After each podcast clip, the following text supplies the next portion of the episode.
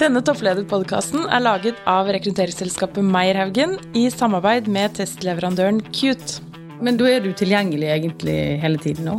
Jeg er tilgjengelig til eh, Jeg har sagt at helst ikke telefon etter ni om kvelden. Ja. Det er ikke så ofte det ringer så sent, men de vet at enten jeg er i skogen eller sykler gjerne sånn fra halv seks til sju på kvelden. Det kjenner mange til, og da er det mange som ringer for oss og sparer litt og diskuterer, og det syns jeg er kjempehyggelig. Ja. Så om jeg sitter på sykkelen og snakker litt i telefon hjemme eh, på spinningsykkelen, så syns jeg det er helt topp.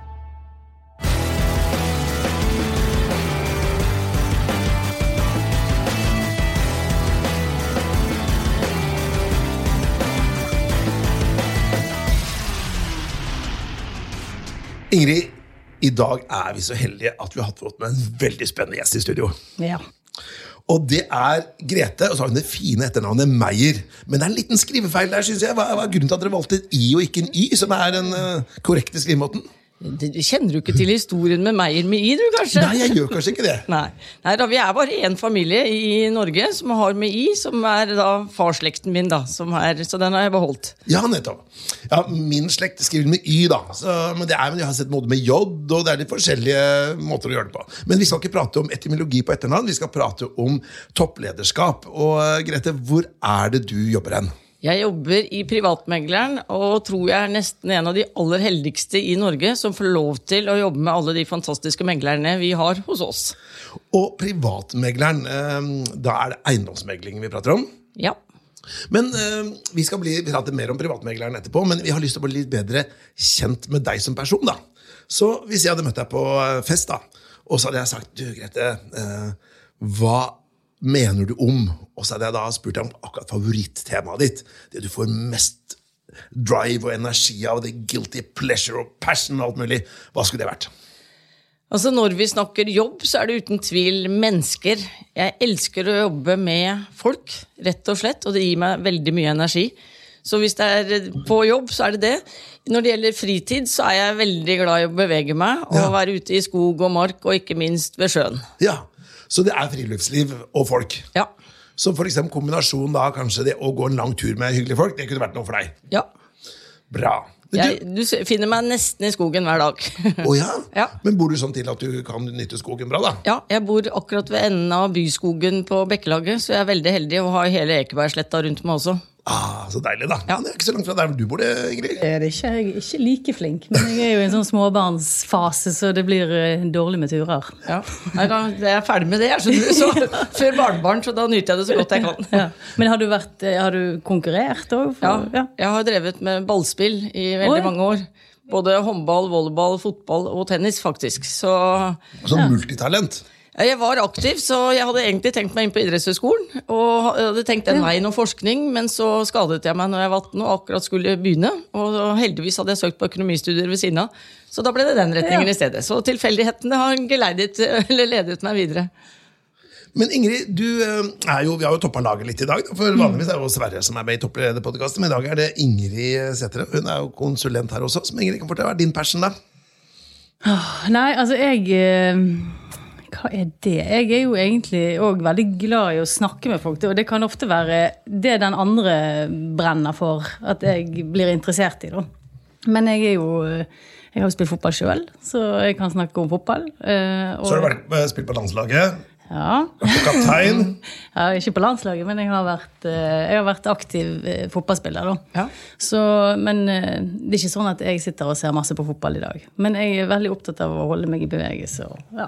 Ja. Ja, men veldig opptatt av rekruttering, da. Ja, Det er godt å høre. Men du, Nå skal vi prate om tre kjappe. og For dere som lytter på, da, så kan, kan dere høre og tenke hva ville dere svart hvis dere var i Grete sitt, sine sko. Eh, Unnskyld.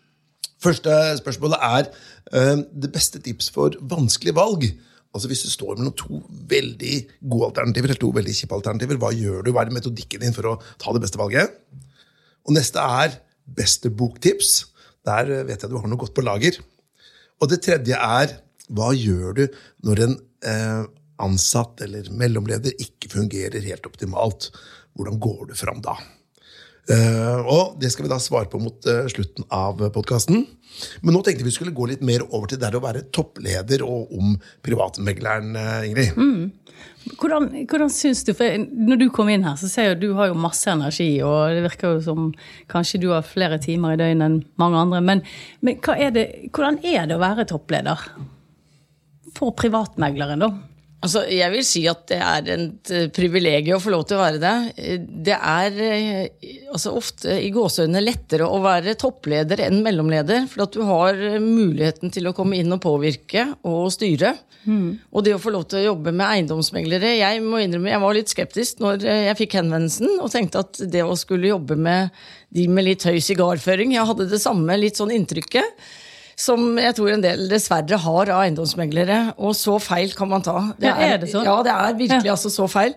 Det fins ikke en gruppe, eh, om du skal si arbeidstagere, som er mer entusiastiske, brenner mer for å levere gode leveranser til kundene. Og det har også med at vi lever jo veldig mye av anbefalinger. Eh, og som er veldig, i hvert fall fordi vi driver også franchisedrift, da, og da er det jo litt sånn eh, pølsa eller penga, ja. for å si det sånn. Og da er det ikke så mye snikksnakk og så mye annet. Da har vi fokus på enten om det genererer mer inntekter, mer sparte kostnader eller bedre kundetilfredshet. Og hvis det gjør en av de tingene, så setter vi i gang, og da er vi omforent om det. Og hvis ikke, så gidder vi ikke å ta tak i det.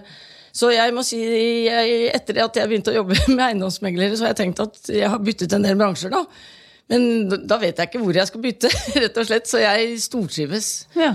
Ja, for jeg må jo si det sånn for min egen del. Så, altså, det å selge bolig, der har vi jo alle vært. Det å kjøpe bolig. Så, eh, og da er det jo sånn jeg merker at eh, det skal liksom ikke så mye til før du sier at ja, han megleren der er jo litt sånn Ja, kanskje litt Jeg vet ikke om det blir feil å si slesk, men altså man får, av og til så får man det inntrykket, da. Men du Avkrefter det? Ja, jeg avkrefter det. Og jeg, jeg, blir også sånn eh, Jeg skjønner at dere sier det, og så er jo altså, det som er litt Jeg skal slutte å si det nå. Ja, ja, ja. For det vi ofte er litt dumme på i vår bransje, det er kanskje at vi kler oss litt for fint, da.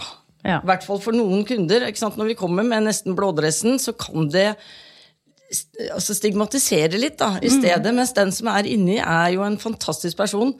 Og jeg må si igjen, altså det er bli med oss på samlinger, på kultur. På, altså den delingsviljen som er. Enda vi driver med franchise, de jobber med provisjonslønn, alle meglerne.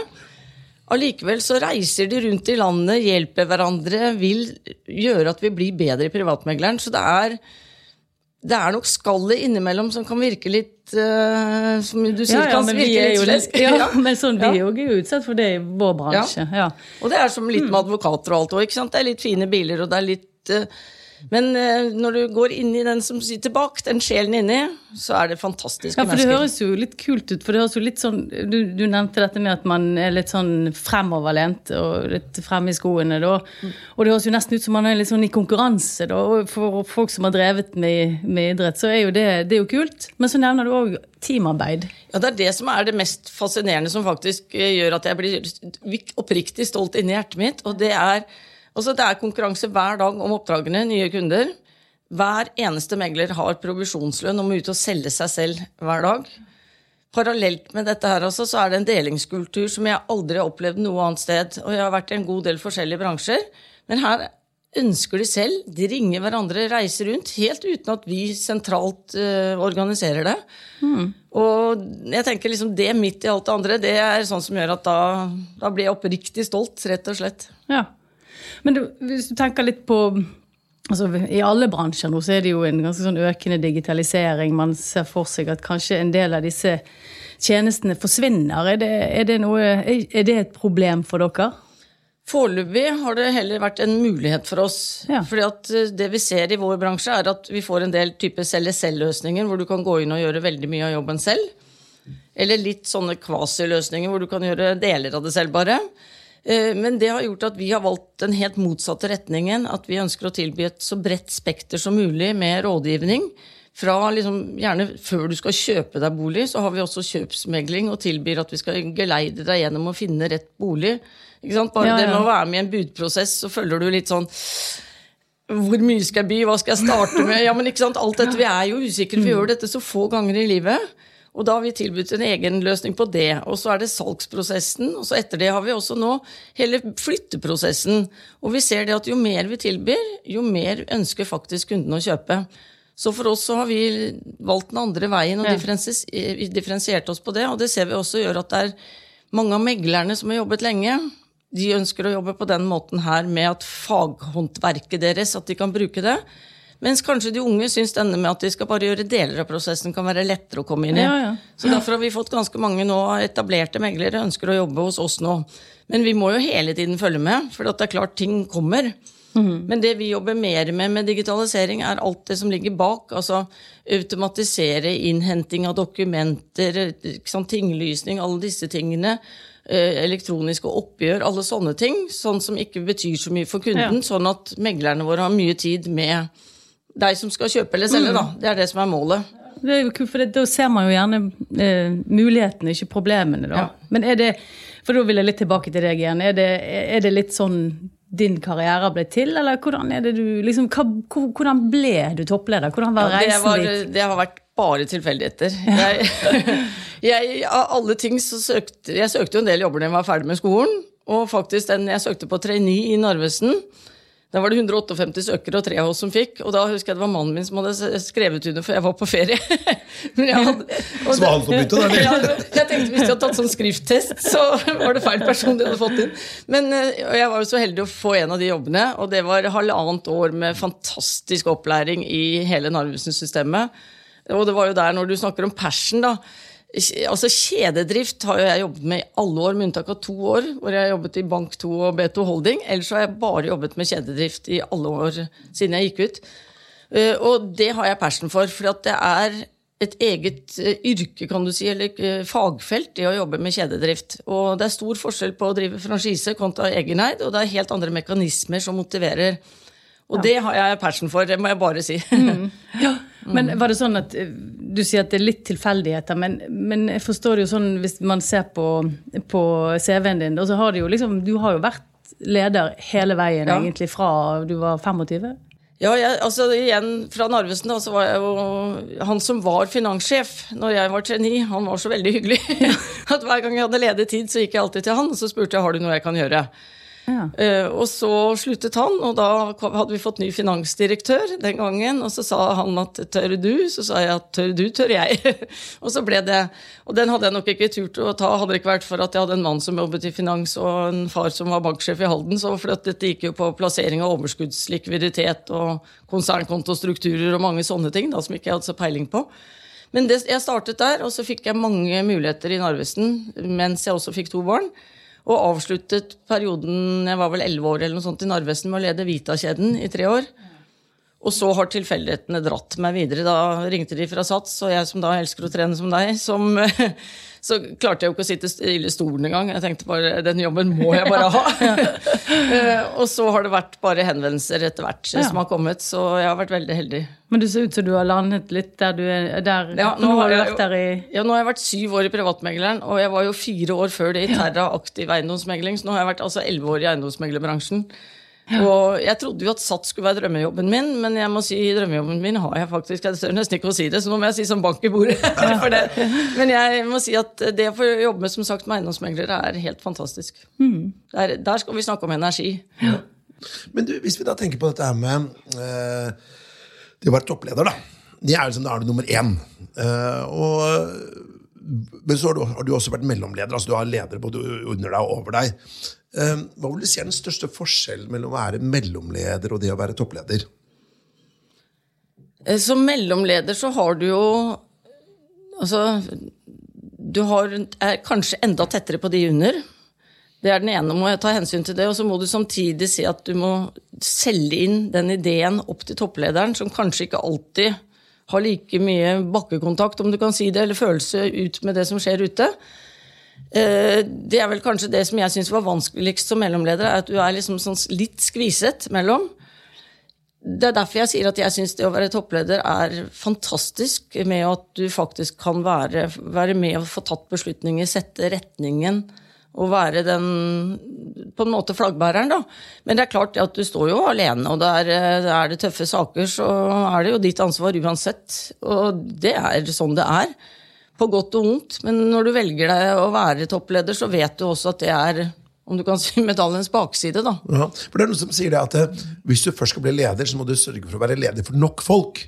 For hvis du bare er for liksom Den der mellomlederposisjonen kan ofte være en sånn skvis. da, At du liksom, eh, du har ganske stort kontrollspenn, men du har egentlig ganske lite innflytelse for å få jobben gjort. Da, for det er så mange andre som er over deg. da. Men hvis du da ser på de som eh, i din eh, Eller hvor mange er det i Privatmegleren? Ja, rundt 600. Det er en ganske stor organisasjon, da. Ja. Og så er den eh, altså den, mange enheter rundt i, Det er i landet. 75 75 kontor. Ja. På en måte, De er jo selvfølgelig sine egne herrer og er jo egne AS-er og alt. Mm. Så det er klart, vi har jo ikke noe personalansvar som sådan for de i det hele tatt. De er ganske det- autonome, da? eller?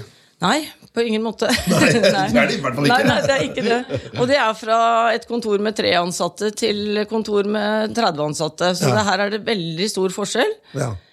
Og det er veldig forskjell på å drive på Jeg kommer jo selv fra Halden, og jeg tror det er forskjell å drive et kontor i Halden enn det er å drive et kontor f.eks. beste vestkant med Ja. osv. Det er Så nei, de er ikke autonome, og det er noe av det som gjør det så spennende. Ja. Men, jeg må bare si at ja, det er en shout-out til Halden. Jeg studerte i Halden et år på 90-tallet. Og det må jeg si, jeg likte meg så godt i Halden. Så hyggelige folk, altså. Ja, Halden er en fantastisk by med Norges flotteste festning. Ja. Og ikke minst skogen. Vi som da er glad i skogen. Høyåsmarka er den fineste skauen i hele Norge. Men du vet at det er Norge. to ting du kan gjøre i Halden? Vet du hva det er? Hallitrær. Nei, det er, ja, det, er, altså, det er to ting du kan gjøre i Halden. Det ene er å stå i byen og se på festninga. Og det andre er å stå på festninga og se på byen. Ja, det er riktig. Ja. Eller så kan du dra på siste reispub. Ja, det kan du også. Men, men da, bare sånn i forhold til sånn, Nå er du jo toppleder og har vært eh, i, i mange år. Føler du at du kan se talentet hos folk? Altså Hvis du, folk du jobber med, tenker du dette her, her er det en som har de fibrene, da? Ja. Ja, jeg tror man, vi som er ledere, at vi fort ser hvem som kan egne seg. For det er en god blanding av personlighetstrekk, verdisette ikke minst, til de enkelte, og hvordan de tar tak i oppgaver og utfører de. Så Og så bare, så, eh, jeg bare tenkte, i forhold til dette, Vi jo, jobber jo med rekruttering. Hvordan, hvordan gjør dere det? Eller er du involvert i, Jeg er altså, til kontorene og meglere og daglige ledere så er jeg noe involvert, og, men mest på om jeg kan si, de litt mer profilerte meglerne. Jeg er ikke med på de veldig unge og sånn som regel. Men når vi snakker rekruttering hos oss, og nå vet jeg at vi høres apropos når du sier litt sånn sluskete, slaskete, så høres dette sikkert også litt sånn blasert ut. men vi sier at i privatmegleren så ønsker ikke vi å gå ut og annonsere, fordi at det skal være en karrierestige å få lov til å komme til oss i bransjen. Så vi vet hvem vi vil ha, og vi henvender oss via telefon og snakker med folk og inviterer inn. Og tilsvarende så har jeg Vi er jo ikke mer enn åtte stykker inne hos oss til å lede hele kjeden, for vi ønsker å ha en veldig flat, operativ organisasjon som kan være veldig hands on og få gjort ting. Og så bruker vi heller alle de ute med all den kompetansen som er. Ja. Så jeg, når jeg har ansatt, så har jeg sett på hvem er de beste. Ja. Og så har vi tenkt at eh, shit heller, får vi, det verste som kan skje, at vi får nei. og så langt så har vi fått det vi vil ha, faktisk. Så, mm, så derfor beklager, men jeg har ikke business til dere. Nei, men Det er interessant at eh, rundt man, når man jobber med rekruttering, så er det jo uh, Her har man da to strategier. Enten at du tar inn unge uh, altså fullmektige holdt jeg på å si, da, som går inn og så lærer traden helt fra bunnen av. Eller så tenker du ok, der har vi de og de personene, de er gode hos konkurrenter, og så ringer du, og så overtaler du dem da, til å begynne hos dere. Men, men hva skal vi si eh, Jeg kan jo bare si at Ja. det du, du har forstått det helt riktig. Og veldig mange av de andre kjedene, sånn som DNB og Eiendomsmegler 1 og de, de tar inn veldig mye av fullmekter og lærer opp. Ja. Og det er klart at for de så er det jo fryktelig irriterende at vi blant annet, da, etter tre år kanskje, henter de tilbake, for da er de litt mer opplært. Men det er faktisk allikevel sånn det fungerer litt i vår bransje. Men, men fordi det, er, det, er, det er jo veldig spennende for oss. For det er, vi gjør jo, altså, det vi gjør, er jo også å ringe personer og, og, øh, og prøver å overtale dem eller motivere dem da, til å bytte. Men hva er det dere har i, i øh, privatmegleren som de andre selskapene ikke har? Da? For hvis du er etablert, f.eks. i DNB, eller det er jo, øh, det er jo titalls selskaper i hvert fall her i Oslo. Er dere, hvordan klarer du å motivere? Er det bare på penger, eller er det kultur, eller er det Altså, vi, som, vi som er i bransjen, har nok eh, Vi vet jo litt mer hva som ligger i de forskjellige konseptene enn det jeg tror en vanlig forbruker gjør, da, eller den som skal kjøpe eller selge, som gjør det kanskje hvert tiende år. Så for oss så vet vi litt eh, Hvis man ønsker seg veldig trygghet og får masse tips fra bank, så sier jeg at vet du hva, da bør du velge DNB eller Eiendomsmegler 1. Men hvis du ønsker å jobbe med dyrere boliger eh, f.eks., så vet du at privatmegleren vi får veldig mye av de boligene. Og så har vi en merkevare som er sterk, og som er veldig sterk innad i bransjen vår. Og de vet at kommer de til oss, så får de mange ekstra ting som er bra for en megler å ha med seg når han skal på, i konkurransen på en befaring, f.eks. Og jeg tror merkevaren sammen med kulturen for kulturen som jeg snakker om, altså Når vi er på kickoff og vi er 600 ansatte og 500 kommer, og de kommer opp dagen før, for de vil så gjerne møte hverandre. ikke sant? Så det sier noe om Og da har de møter den første dagen, ulike kontor. Da var det liksom Hammerfest, Harstad og Sarpsborg, eksempelvis. liksom, skjønner du? Og sånn holder de på. Og jeg tror den kulturen vet nok mange i bransjen at er hos oss. Ja. Men hvis du tenker en sånn rekrutteringsteknisk, da, så la oss si at du eh, skal velge ut en erfaren person. da. Og så har du da selvfølgelig navn på blokka. Du følger jo med i, i uh, bransjeblader eller hvordan du ser i markedet. og, og sånn da. Hva er det du ser etter? Hvilke kvaliteter er det du ser etter? Hva slags personlighet, hva slags evne? Hva er det du liksom tenker ah, dette her er en superstar? Når jeg tenker ut mot kontorene og meglerkontorene, så ser jeg nok ofte på gnisten, passion, Ja. i personen. Eh, Jeg er nesten mer opptatt av, av om du kan kalle det verdisettet til personen, nysgjerrigheten, entusiasmen, alt dette som ligger, mer enn om de selger for sju mil eller fire mil. For for at det kan vi lære opp å få til. Når jeg ser inne, så er det jo fryktelig fristende å alltid ansette de som er lik seg selv. Men det har jeg i hvert fall lært meg gjennom årene at det skal man ikke gjøre. Så vi er et veldig ulikt team inne. Og jeg er selv en veldig utålmodig person. altså Virkelig sånn langt over det som er positivt, for å si det sånn. Og jeg har et par rundt meg som heldigvis har, har jobben helt åpent med å holde meg i øra. Og det tror jeg er viktig at vi har uh, ulike, og det er jeg i hvert fall veldig bevisst på. Men jeg ser nok mer på personligheten til den enkelte faktisk enn hva den har levert. Jeg er veldig opptatt av å finne mennesker som vi kan gå i krigen sammen med, som jeg kan stole på, som er ærlige, forutsigbare. Det er noe av det aller viktigste for meg. Så det er hire for personality and train for skills som Ja. Er liksom mm. ja. Ja. Bra, men vi tenkte kanskje det var god bro over til dette med personlighet. da. Mm. For det er jo en viktig del av denne podkasten. Dette er i samarbeid med eller testleverandøren Qt, eh, en av de mest anerkjente i verden. Og Der eh, har de sagt at det er et, eh, en testbatteri som heter Shapes Executive, som det er, på måte er det som måler på toppledelse. da. Og det som er Hensikten her, er at du har en del personlighetstrekk som man kanskje sier at er karakteristisk for ledere. Og så er Det sånn at for eksempel, det kan være overbevisende, hensynsfull, resultatfokusert, besluttsom, optimistisk og det er en del ord. Men så er det tankegangen at det er grøfter på begge sider av veien.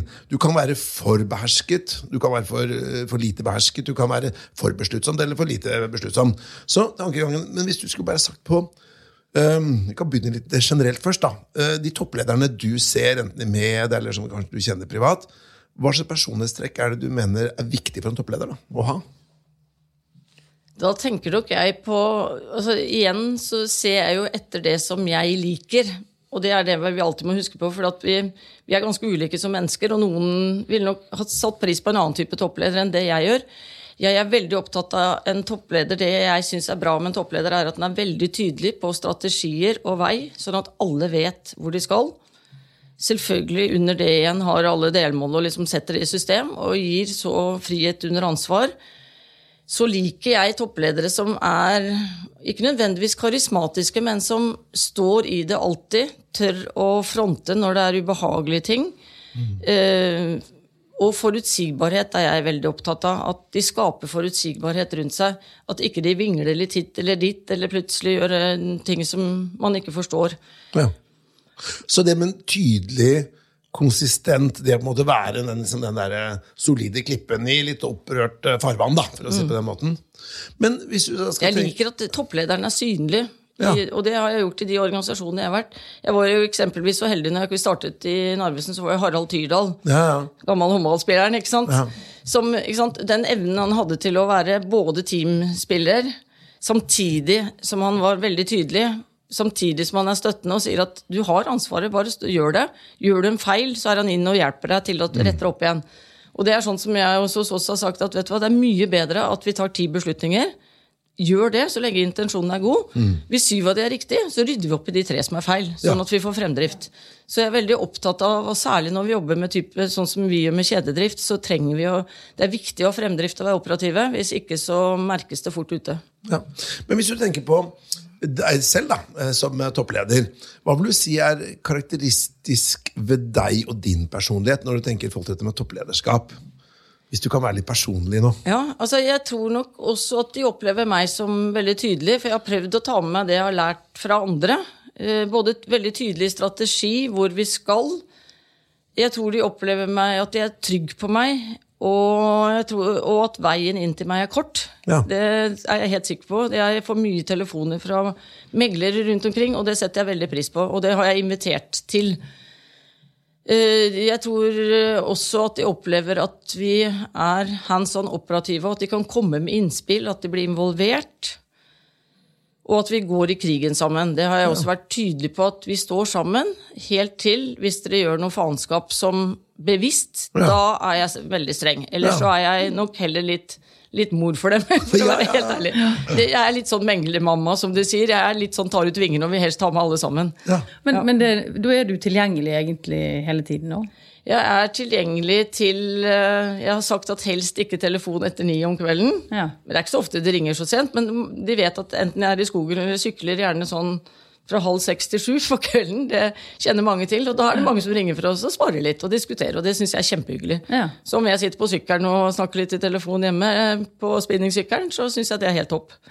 Men jeg er tilgjengelig fra åtte om morgenen til eh, Jeg er jo tilgjengelig hvis det er krise, til, eh, til jeg legger meg om kvelden. Jeg er det. Og alltid i helgene. Hva slags krise kan det være?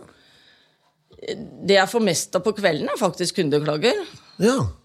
Fordi at eh, hvis de Vi har jo altså Vi har sikkert innom Jeg tenker vi selger nesten 15 500 boliger. Bare det er jo kjøper-selger 30 000. Alle interessenter. Ja, vi har godt over 100 000 som er innom oss i året. Ja. Og noen av de føler at de har fått en urettferdig behandling og ikke når gjennom hos megler meglerkontor. Og noen av de syns det er fint å kunne ringe om kvelden. ja. Og da er det da en konkret kunde, da? En Mm. Da er det en konkret- Som ringer deg, for du har ikke noe skjult nummer? eller? Nei, nei, jeg har ikke noe skjult nummer, og jeg ligger på topp også i privatmegleren på en måte når du kaller inn, så det syns jeg også er greit. Ja. Ja. Så det får jeg nok eh, Men jeg får, vi snakker ikke mange her, altså. Vi snakker fem-seks i år eller noe sånt. Det er ikke Ja. noe mer enn det. Og så, så det er, kommer det litt, og så er det noen som lurer på ting. Det har jeg mye mer av. Sånn som de ringer at du, jeg har lagt inn et bud Ja. i dag hos Erik. Å ja. Ja, Erik, ja. Ja, og så, ikke sant? så Det har jeg ganske mye av, fordi at nummeret mitt står da, og er Ja. tilgjengelig. Ja. Så det får jeg mye, sånne får jeg mye av. Men Ja. det klarer vi stort sett å løse. Så det, det også er litt greit, for da får du litt følelse med hvordan ting fungerer. Så, men det er ikke noe, på noen måte plagsomt. Men uh, si jeg har på kvelden i snitt to samtaler hver kveld, kanskje. Ja. Så det er ikke noe mer enn Men hvis det. du tenker på personligheten din, da er det noen, har du fått noen uh, tilbakemeldinger, enten fra kollegaer eller venner eller familie, på at du har noen personlighetstrekk som du gjerne skulle tatt og justert litt på? Altså Den tålmodigheten har jeg fått fra jeg var liten, med at veggene dirrer rundt deg. Altså, Slapp av litt. ikke sant? Ja. Men det jeg liker det, du sier jo, for vi har jo, sitter jo i mange sånne intervjuer, og da er det jo mange som sier at jeg er litt utålmodig, sant? og så vet man jo at det er jo litt, Men du legger det frem så du er virkelig utålmodig. Ja, jeg er virkelig, virkelig Jeg er sånn at jeg sliter med å sitte i møter hvor jeg syns Ja. det går for treigt. For eksempel så blir jeg kan jeg nesten sikkert oppleves litt uforskammet. For da er jeg litt sånn vent, Men nå er vi enige om altså La oss komme til poenget. Nå, og så, da gidder jeg ikke mer, Hva, liksom. hva er det største problemet med å være utålmodig, tror du? At de som eh, er rundt meg, ønsker at vi skal gå mye grundigere til verks på en del. Diskutere oss gjennom mye mer Ja. enn det jeg er interessert i å gjøre ofte. Jeg liker å ta beslutninger på fakta og det, men jeg er nok så rask at en del andre gjerne skulle ønsket at vi hadde vurdert det mer. Men la oss si at du som toppleder sitter på mye mer informasjon. Uh, Du er, uh, har jo mye mer erfaring. Og så er du sannsynligvis ganske bright. ikke sant? Så liksom du har den erfaringen da. Og så kommer det en litt ferskere person inn som, som kanskje er, de har ikke den erfaringen. De, de, de, de ser ikke landskapet så kjapt som du gjør, da. For du er, har den erfaringen og den kompetansen og kapasiteten som du har. Og så tenker jeg at hvis man da Jeg kan jo kjenne meg igjen i det her med å være ganske utålmodig. da. Men det å forankre, da, det er jo noe av problemet. Hvis du vet at du må gå noen varv da, med dem for å forankre det, selv om konklusjonen er åpenbar for deg, den, det er å gå dit. ikke sant? Mens de ser ikke det. Så for dem, Hvis du bare sier ja, gjør det, så, så, så vet ikke de neste gang. men nå mener jeg ikke å være sånn besserwisser her, da, men hva tenker du slutt akkurat det? Altså, den, eh, jeg har jo prøvd meg på litt forskjellige varianter, da, fordi jeg vet at jeg er som jeg er på det her. Og selv om jeg prøver å skjerpe meg, så er det så tydelig i min natur, da. Men det å prøve å forankre når man egentlig har tatt en beslutning, så etter hvert så har de bare begynt å le, og så sier de Grete, vet du hva, det er ikke noe vits i. Vi, vi, vet hva beslutningen er. Det er ikke, ikke lat som, liksom. Ja. Og vi er ganske åpne. Vi har en, Den gjengen jeg jobber med nå, vi er, der er det høy takhøyde, for å si det sånn. Der, eh, vi kaller en spade en spade. Og, og, men for den utålmodigheten, det vi sliter mest med nå hos oss, da, hvis vi skal si av utfordringer i vår gruppe, er det å informere hverandre om alt som pågår hele tiden. Fordi vi er så få, og så har vi veldig definerte ansvarsområder. Og vi da plutselig Shit, jeg skulle vært der, burde vi involvert eh, advokaten vår. Eh, Her er det et eller annet som ikke Og så videre. Det er den største utfordringen vi har. Ja. For det er et sånt gammelt ordtak som heter at eh, skal du gå raskt, så går du alene. Men skal du gå langt, så går du sammen med noen. Og jeg kjenner meg litt igjen at noen ganger så jeg bare lyst til å bare, ah, stikke av gårde. liksom. Men så har jeg fått noen på trynet da, i løpet av et eh, langt liv. At det er ikke så lurt, da. Men jeg sliter litt med det også. Jeg kjenner meg litt igjen. da. Jeg tror nok ikke de opplever at jeg går alene på noen måte. Tvert imot. Uh, Men de kan slite litt med å føle seg kanskje, i hvert fall noen, helt trygge på om det er den rette beslutningen. Ja. Det tror jeg. Og så Vi er veldig sånn team, og jeg tror nok at siden jeg er litt sånn meglermammaen, jeg, jeg er nok litt sånn omsorg på en måte, og prøver å holde alle sammen, og at de skal trives og ha det bra. Så jeg har liksom den, den rollen syns jeg er ganske viktig. Og det å bygge kulturen er jeg ekstremt opptatt av. Det jobber jeg mye Eller bevisst at vi gjør mye grep i forhold til det. Men da ord som, eh, la oss si Vil du si at du er en optimistisk person? Jeg tror nok jeg absolutt bør si det, ja. Ja. I hvert fall, og de er ofte blir man sett på som en ganske positiv lederegenskap. Da. Men, men la oss si at verdenshistorien er jo full av overoptimistiske personer. Da. Eh, både historisk sett av politikere, men også f.eks. bedriftsledere som har tatt litt mye Møllers strand, da, for å si det sånn. Ja. Og da kanskje ikke har er så optimistisk at, og, og, og eh, overbevist eller entusiastisk at det kveler kanskje litt av mangfoldet, eller de som kanskje har litt annet syn på det, eller Altså, jeg er nok så optimistisk at jeg starter med å tro at alt er mulig. Og, Ja. og også har jeg alltid en god tro med alle. Og så blir jeg veldig skuffa etterpå, for jeg ikke klarte å se at her lå det jo mye kjepper i hjula, eller det var andre ting. Som eh, jeg, jeg, altså av, I min natur så klarer ikke jeg å se det negative før det plutselig kommer, ofte. Og det merker jeg at shit, nå må du prøve å liksom sette deg ned og prøve å analysere. Men jeg får det liksom ikke helt til, for jeg, jeg er bare i gang, jeg. Ja. Uh, og det er noe av det jeg sliter litt med. da. Og det er derfor jeg sier at jeg har, jeg har verdens mest fantastiske som sitter ved siden av på nabokontoret. Som med en gang kommer med de spørsmålene hvor jeg tenker hvordan i all verden klarer du å tenke ut de spørsmålene? For de er liksom ikke i mitt hode. Og det er der vi er, tror jeg er veldig viktig at vi har litt forskjellig. For ja, jeg, er, jeg ser det ikke. Men det høres jo litt ut som du er i en organisasjon, at dere passer hverandre. Ja da, vi å si passer sånn. på hverandre, Ja. faktisk. Ja. Eh, Og det tror jeg er veldig viktig hos oss. For Mm. eh, vi har noen til som er ikke kanskje fullt så ille som meg, men som også er ganske raske. Ja. Og da hadde vi bare løpt av gårde og gjort masse feil. Men Grete, du har jo sagt at du eh, har jo jobbet mange forskjellige steder. Eh, og et sånn klassisk sånn topplederspørsmål er kan man være toppleder for hva som helst? At det er liksom, hva skal jeg si, lederegenskapene som er den konstante? Eller er det sånn at man bør eh, holde seg til eh, stick to your guns eller skomaker ble ved din lest? Hva, vil, hva vil, tenker du? I hvert fall hvis jeg skal tale for meg selv, så ville jeg sagt at skomaker blir ved din lest. Altså det jeg føler jeg kan bidra med, er å jobbe med mange mennesker. Jeg egner meg ikke til så godt til å ta en avdeling på fem mennesker. Nei. Eh, Mange være, får lov til å styre, men sammen med. Jeg er veldig opptatt av å jobbe tett sammen med de ute. Og det har jeg gjort i alle organisasjoner. Og så er det noe for meg som er kjempeviktig, det er dette med stoltheten av den merkevaren du skal jobbe med. da. Ja. Men for eksempel kunne du vært Hvis, eh, hvis eh, Erna Solberg hadde ringt og sagt at eh, du, eh, Sigrun Vågeng hun skal gå av eh, som Nav-direktør nå i august, eh, og det er deg vi vil ha. Og, og det er ikke bare, egentlig ikke et spørsmål, det er du får den jobben. Eh, hva hadde du tenkt da? Da hadde jeg med en gang sagt at tusen takk, men nei takk. Ja, Ja. Ok, men allikevel, Hvis jeg skulle dratt det eh, perspektivet litt lenger, da, ok, du hadde fått den jobben og du måtte ta den, av en eller annen grunn. Hvordan ville du tenkt sånn, Hva er suksessraten din? For du er åpenbart en person som er ganske god med mennesker. Eh, Du har masse erfaring. Du har mye toppledererfaring. Er-? Så du, du er flink til å jobbe med en ganske desentralisert organisasjon. Samme er Nav. Så det er jo ikke noen utgangspunkt, det er ganske mange likheter med en sånn, en sånn Ja, da, det er, det er konseptet, men det er klart hvis jeg måtte ta den, så tror jeg nok altså Jeg måtte jo bruke tid på å kartlegge, så måtte jeg funnet ut hva er det som er suksesskriteriene til Nav. Ja. Og så måtte vi virkelig kartlagt det. Hva er det liksom, er det leveranse, er det ikke feil? Altså alt dette som skal være. Ja. Eh, hyppighet osv. Og så måtte jeg fått med meg jobbet med å finne om du kaller det ledergrupper, eller hvordan vi skulle organisert dette her. Og så måtte vi laget oss spennende, morsomme parametere og latt de få legge opp til hvordan de mente vi skulle klare å nå de målene. Ja.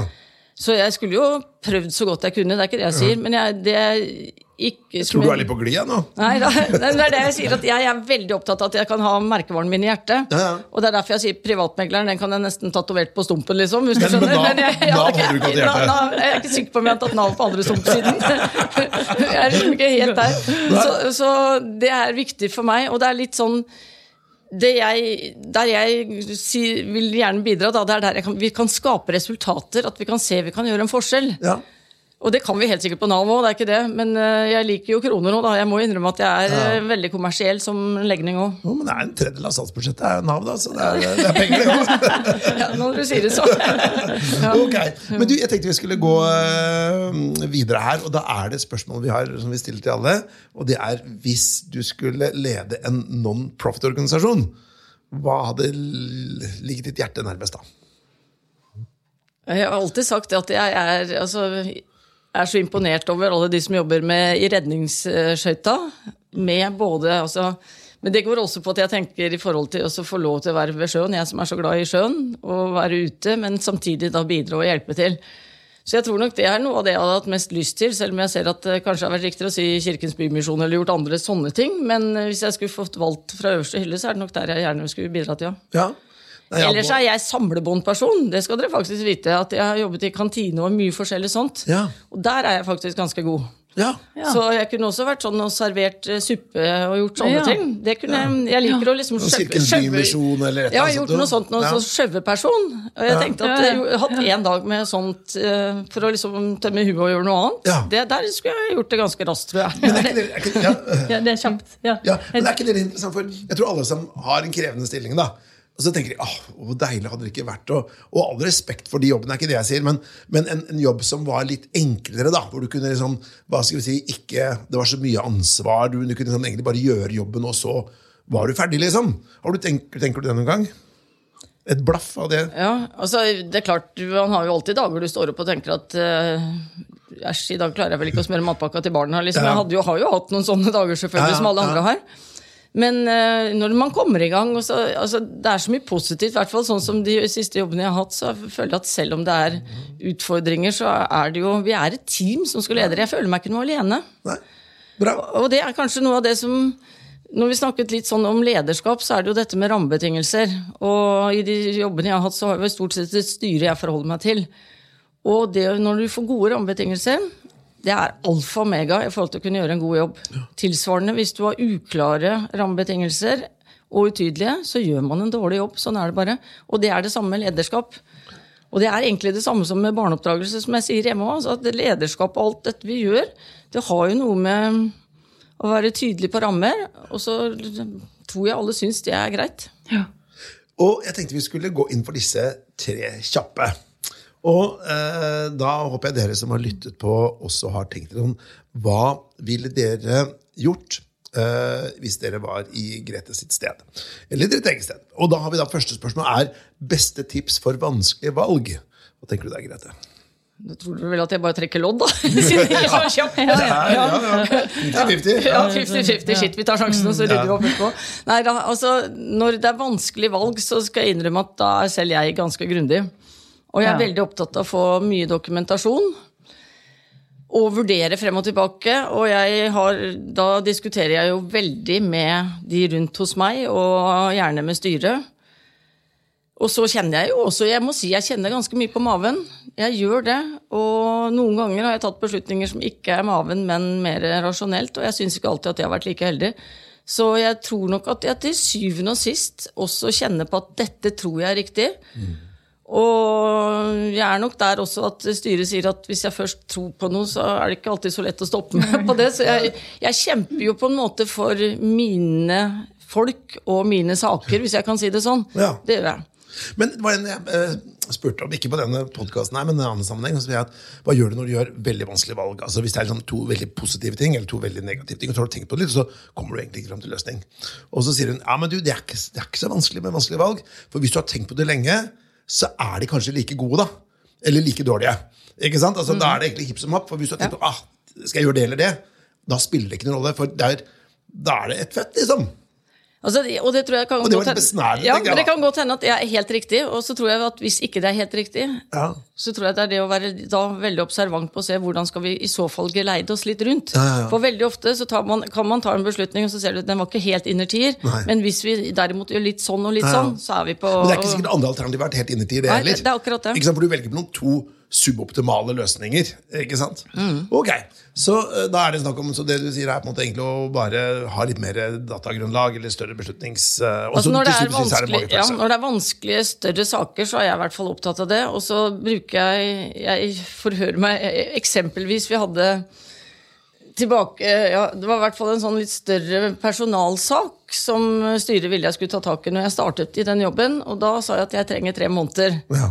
Jeg vil gå rundt og lytte først, for å se bare hvor eh, er dette en sak egentlig, eller er det noe dere innbiller er en sak. Så kom jeg tilbake om tre måneder, og så sa jeg at jeg skal ta den. Ja. Så, så når det er sånne ting, så da er jeg faktisk litt grundig. Ja. ja, men Det høres fornuftig ut. Mm. Ja, Ja, for det er jo litt sånn, Noen ganger må man jo ta litt sånne sørgelige valg for, eh, rett og slett for mennesker òg. Altså at du kanskje må si noen opp, eller hvordan, hvordan setter det seg i empatien? Liksom? Jo, det setter seg selvfølgelig Det tror jeg alle syns er like vanskelig. Men um, da forbereder jeg meg grundig. Ja. Da skal jeg love deg at jeg går mye i skogen. Ja. og så prøver jeg det jeg har, sånn, jeg har ikke vært så glad i å stå på scenen, så jeg har hatt masse sånne Dale Carnegie-kurs på det tidligere. Ja. Og da lærte vi bl.a. dette med hvordan man skal gi tilbakemeldinger, som vi trente mye på, og dette å være konkret. Ja. Og det har jeg prøvd å ta med meg tilbake, for når du skal ta vanskelige, så har jeg så mye eksempler jeg klarer å finne, sånn at jeg tror det er lettere for den andre også å forstå hva jeg snakker om. Ja. Så det prøver jeg i hvert fall på. Men det er klart at det er grusomt. ja. Mm. Nå har nesten foregrepet uh, spørsmål nummer tre, men vi går på Ja. den etterpå. Ja. Beste boktips? Det hadde du lyst til å ta? Ja, det hadde jeg lyst til å ta. Den har jeg tatt på um, hva heter det for noe, i Dagens Næringsliv, den spalten, flere ganger. Og den har jeg fått mange henvendelser tilbake. Og Ja. min mm, desidert anbefalte bok er Bibelen 2 Ja. av Are Kalve. Og den handler om at Jesus gjenoppstår på Triaden hotell på Lørenskog. Og den burde også dere lese, for den, den fleiper utrolig mye med faktisk reklamebransjen, rekrutteringsbransjen, masse sånt. Ja, den, den har altså med masse personer som har ulike titler, og de er så lange at du kan le deg i hjel på alt mulig rart. Og den har en vidd og humor. Og vi, hadde, vi drev nemlig mye med lydbøker når barna var små i bilen, for da hadde vi jo ikke sånne ting som man har i dag. Og da hadde vi Bibelen 2, hvor selv de lo fælt. Og så hadde Ja. vi noe som het Ulvebror, og den Ja. også skal jeg anbefale til alle som har små barn. Den er fryktelig spennende. Jeg Ja. husker ikke hvem som har skrevet den. Jeg lånte den på biblioteket, og barna satt bare helt musestille. Så Ulvebror og Bibelen Ulvebror og Bibelen 2 er mine. Ah, ja, men du, Ja. Dette trenger vi. Var gode tips. Ja, ja. Men du, eh, Vi pratet jo litt om det i stad her, men la oss si at du har en person, da, en leder, som ikke fungerer. Hva gjør du da? Ja, og det er vel egentlig som du sier, jeg, da prøver jeg å finne mest mulig konkrete saker. Og selvfølgelig ta det opp først på en positiv måte, eller måte til å si at jeg anbefaler det å forbedre og gjøre sånn og sånn og sånn. Og hvis man ikke ser at det er enten noe interesse for å bedre seg, eller eh, ja, at ikke det blir noe bedre, så må man jo gå veien. Og jeg har dessverre gjort det gjennom livet og måttet si opp en del personer. Det har jeg, og det er en del av det negative ved å være en toppleder. Er det det verste med å være toppleder, tror du? Det er i hvert fall noe av det vanskeligste. Jeg må jo si at sånn som Jeg har jo mye medieeksponering, eksempelvis. Og når vi får noen skikkelig drittsaker der som jeg ser kan gå utover meglerne mine, da er jeg oppriktig lei meg. Ja, ikke sant? Men det er klart, det er, du er jo mindre farlig det enn en stakkars person, det er ikke det. Men jeg, jeg, når jeg gjør ting som jeg ser kan skade mine, da, om jeg kan si det sånn, da, da blir jeg fryktelig lei meg. Om de bare angriper meg som person, så, er- ja, så er det greit. Ja, er det, jeg har ikke så problem lenger med at de angriper meg, men um, når det går utover de andre, det liker jeg ikke. Tenkte vi skulle runde av da. Uh, Ingrid, Ja. vil du ha en uh, avsluttende kommentar? Nei, jeg vil eh, si at jeg er litt overrasket over at klokken har gått så fort. For det har vært veldig hyggelig å ha deg her. I like måte. Tusen takk for at jeg fikk lov til å komme. Tusen hjertelig takk, Grete Meier. Har du innspill eller kommentarer til denne podkasten, kan du sende en e-post til toppleder at meierhaugen.no.